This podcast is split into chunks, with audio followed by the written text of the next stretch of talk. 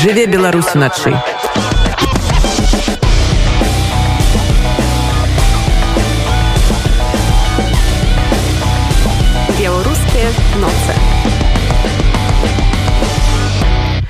Беластоку 18 студзеня плануецца адкрыццё каворкінгу для журналістаў з беларусі паведамляе радыёрацыя улады горада перадалі памяшканні тым журналістам якія мусілі выехаць з беларусі на адкрыццё каворкінгу таксама рыхтуецца выстава. Цяпер там месціцца сядзіба гродна лайф і рэгіянальнага портала магілёва кожны журналіст можа прыходзіць і супольна працаваць. Нагадаю пасля прэзідэнцкіх выбараў 2020 года дзясяткі наших калег сутыкнуліся з рэпрэсіямі.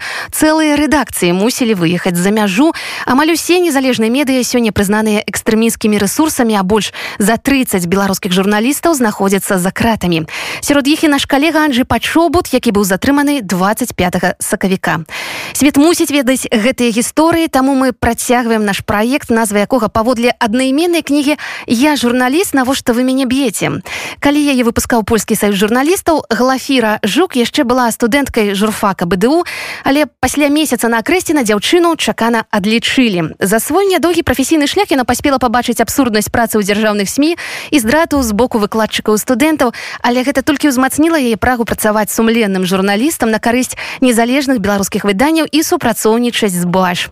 З глафірай жукавай размаўляла алена прыходька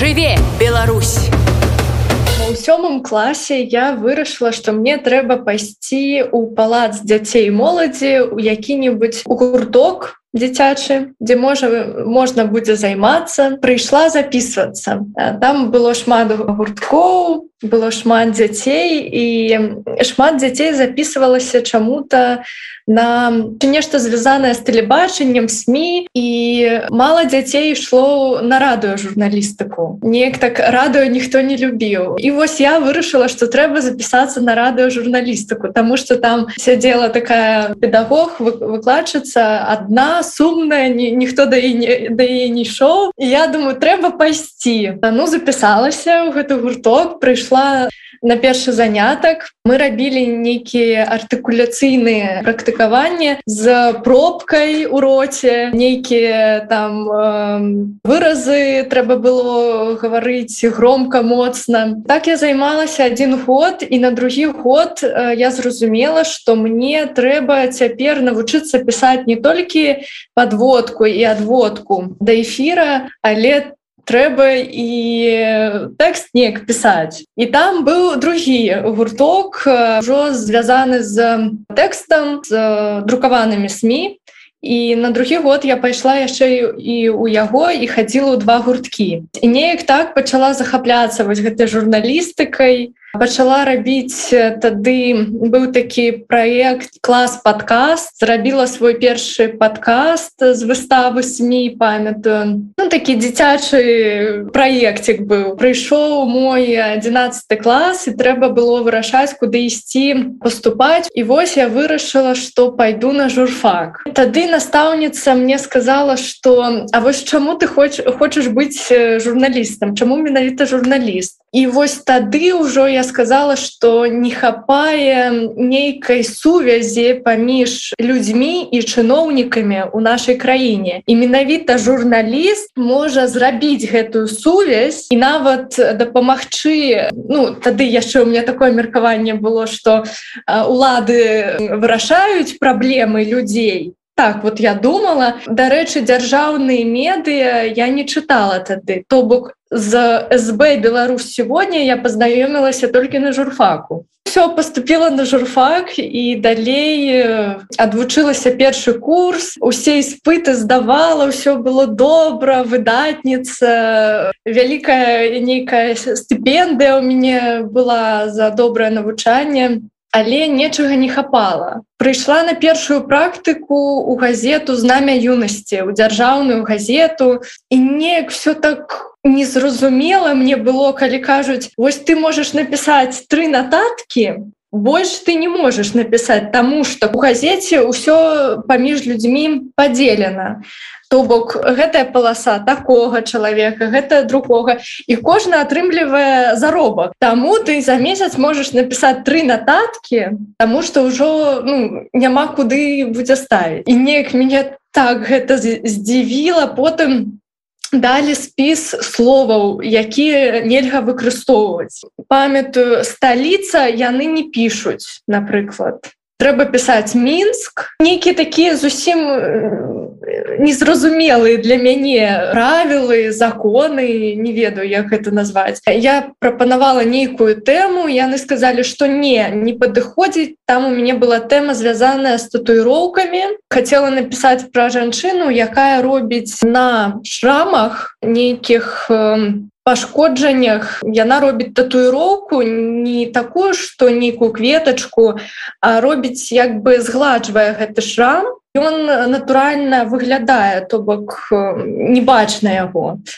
Вось, напрыклад, жанчыны, якія хварэлі на рак малочнай жалязы, яна робіць такі арыёл і ён выглядае натуральна то бок гэта татуіроўка. І вось я прапанавала гэтую тэму і, сказала мне падаецца гэта моцная тэма. Таксама можна будзе пагутарыць гэтай жанчынай як гэты метад гэта вельмі моцна ўплывае на псіхалагічнае становішча чалавека як яго увесці можна у нас у медыцыне як навучыць гэтым карыстацца. І мне адмовілі у гэтай тэме.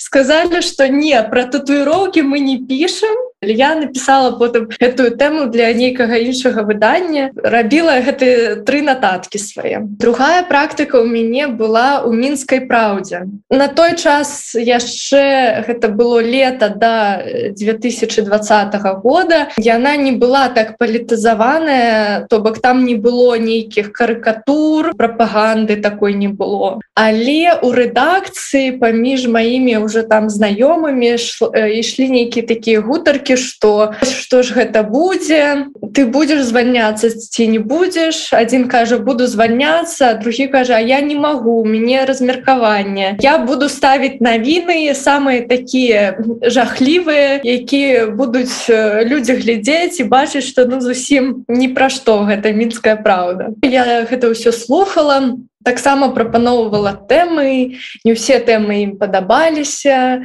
затое яны мне сказалі напиши нам рэкламны матэрыял нам трэба грошы я знайшла кампанію написала рэкламны матэрыял палова паласы заплатілі каля 700 рублёў за палову паласы за рэкламу у мінскай праўдзе і я думаю колькі я атрымаю за гэтую рэкламу То бок я знайшла пра каго, напісала гэты тэкст, зрабіла фотаздымкі, размаўляла з дырэктарам. Ну ўсё зрабіла. Ну, колькі я атрымаю, ну можа палову. Мне прыйшоў потым ганарар 25 беларускіх рублёў за рэкламны матэрыял прыходжу ў рэдакцыю да сваей знаёмай кажу слухай вось ты тоже пішаш там рэкламныя матэрыялы колькі табе праходзіць на кажа я написала пра мінскі трактарны завод дзве паласы разварот і ёй таксама прыйшло 25 рублёў то бок гэта нейкая такая стаўка.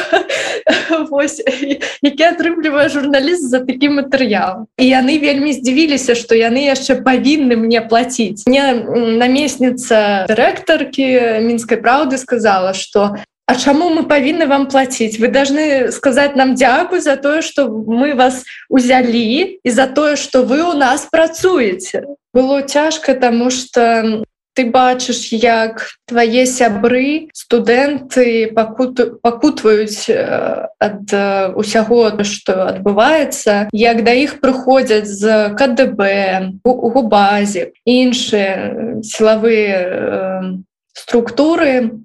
І ты яшчэ бачыш других студэнтаў якіх гэта не хвалююць.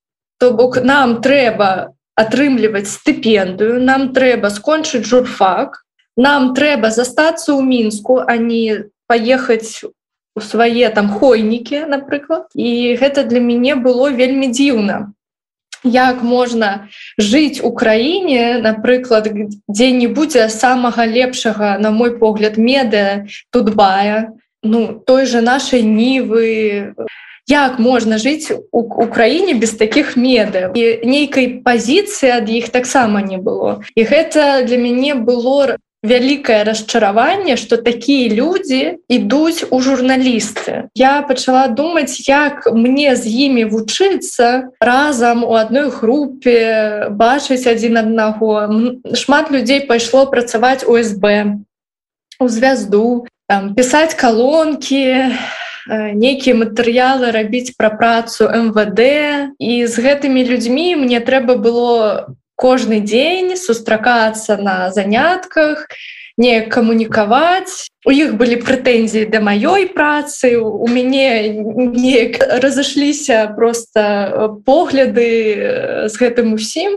было цяжка. Канешне, мы там на журфак уладзілі і акцыі і неяк размаўлялі са студэнтамі якія попалі вось под рэпрэсіі неяк спрабавалі ім дапамагчы але гэта ўсё вельмі жорстка з боку адміністрацыі спынялася. Вось якраз мой выкладчык які быў у складзе гэтай адміністрацыі ён да гэтага мне вельмі падабаўся то бок ён выкладаў за э, замежную літаратуру і нейкія такія творы мы чыталі орула 1984 ціхакслі нейкія антыутопіі і неяк было зусім я не разумела что такі чалавек можа потым рабіць нешта паўдзельнічаць у рэпрэсіях неяк было незразумела но вось так здарылась мяне адлічылі то бок мяне пасадзілі на суткі гэта было якраз у канцы мая апошнія некалькі дзён вось і пачына пачыналася потым сесія. Іспыты якія я была павінна здаць. Па ўсіх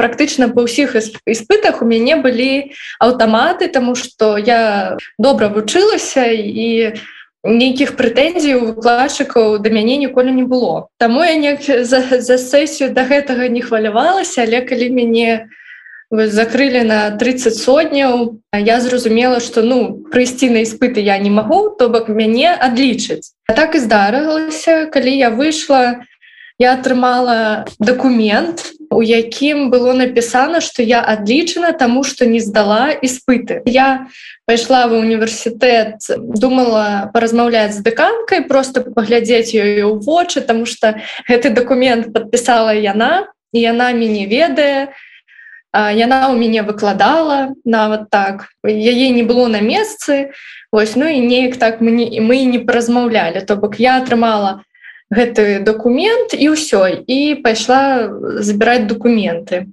Пасля сутак канешне ты пачынаеш думаць что с табой гэта ўсё можа паўтарыцца і гэта будзе ўжо не сотні а гэта можа могуць быць гады. І неяк я аб гэтым думала і яшчэ думала что я хочу працягваць у меня есть жаданне быць журналістам. Але рабіць гэта у беларусе зразумела нельга зараз. Так атрымалася что я поехала на месяц мяне запрасілі ў германію. Гэта была праграма адпачынку для беларускага журналіста які вось працаваў у таких умовах яшчэ калі я вучылася на журфаку я працавала ў народнай волі. Я поехала на месяц у германію але там у мяне адбыліся сустрэчы з некаторымі палітыкамі нямецкімі актывістамі я пачала расказваць пра Беларусь і рабіць это адкрыта і і потым ужо я зразумела что ну вяртацца э, нельга рух мой быў у германії гэта каб э, універсітэт горада у якім я была. Спыніў э, працу супрацоўніцтва з бДУ і з э, бнту.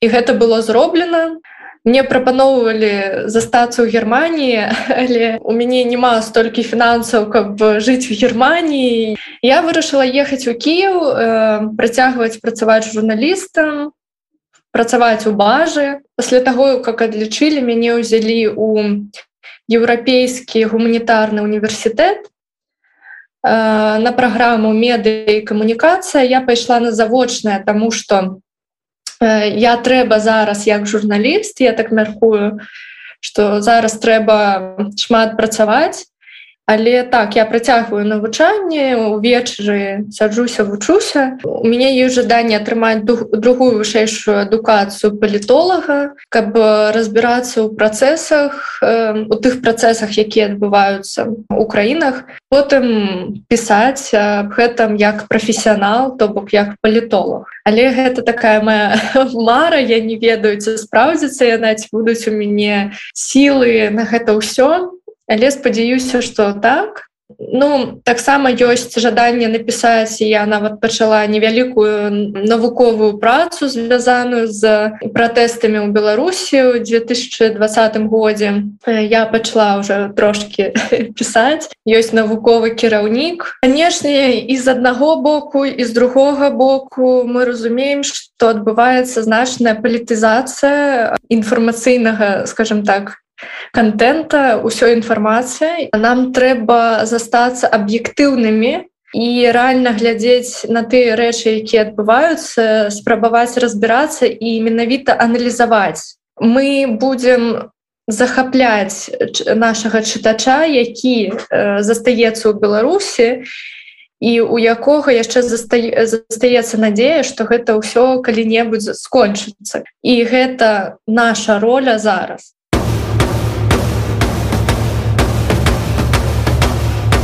Жыве, Беларусь!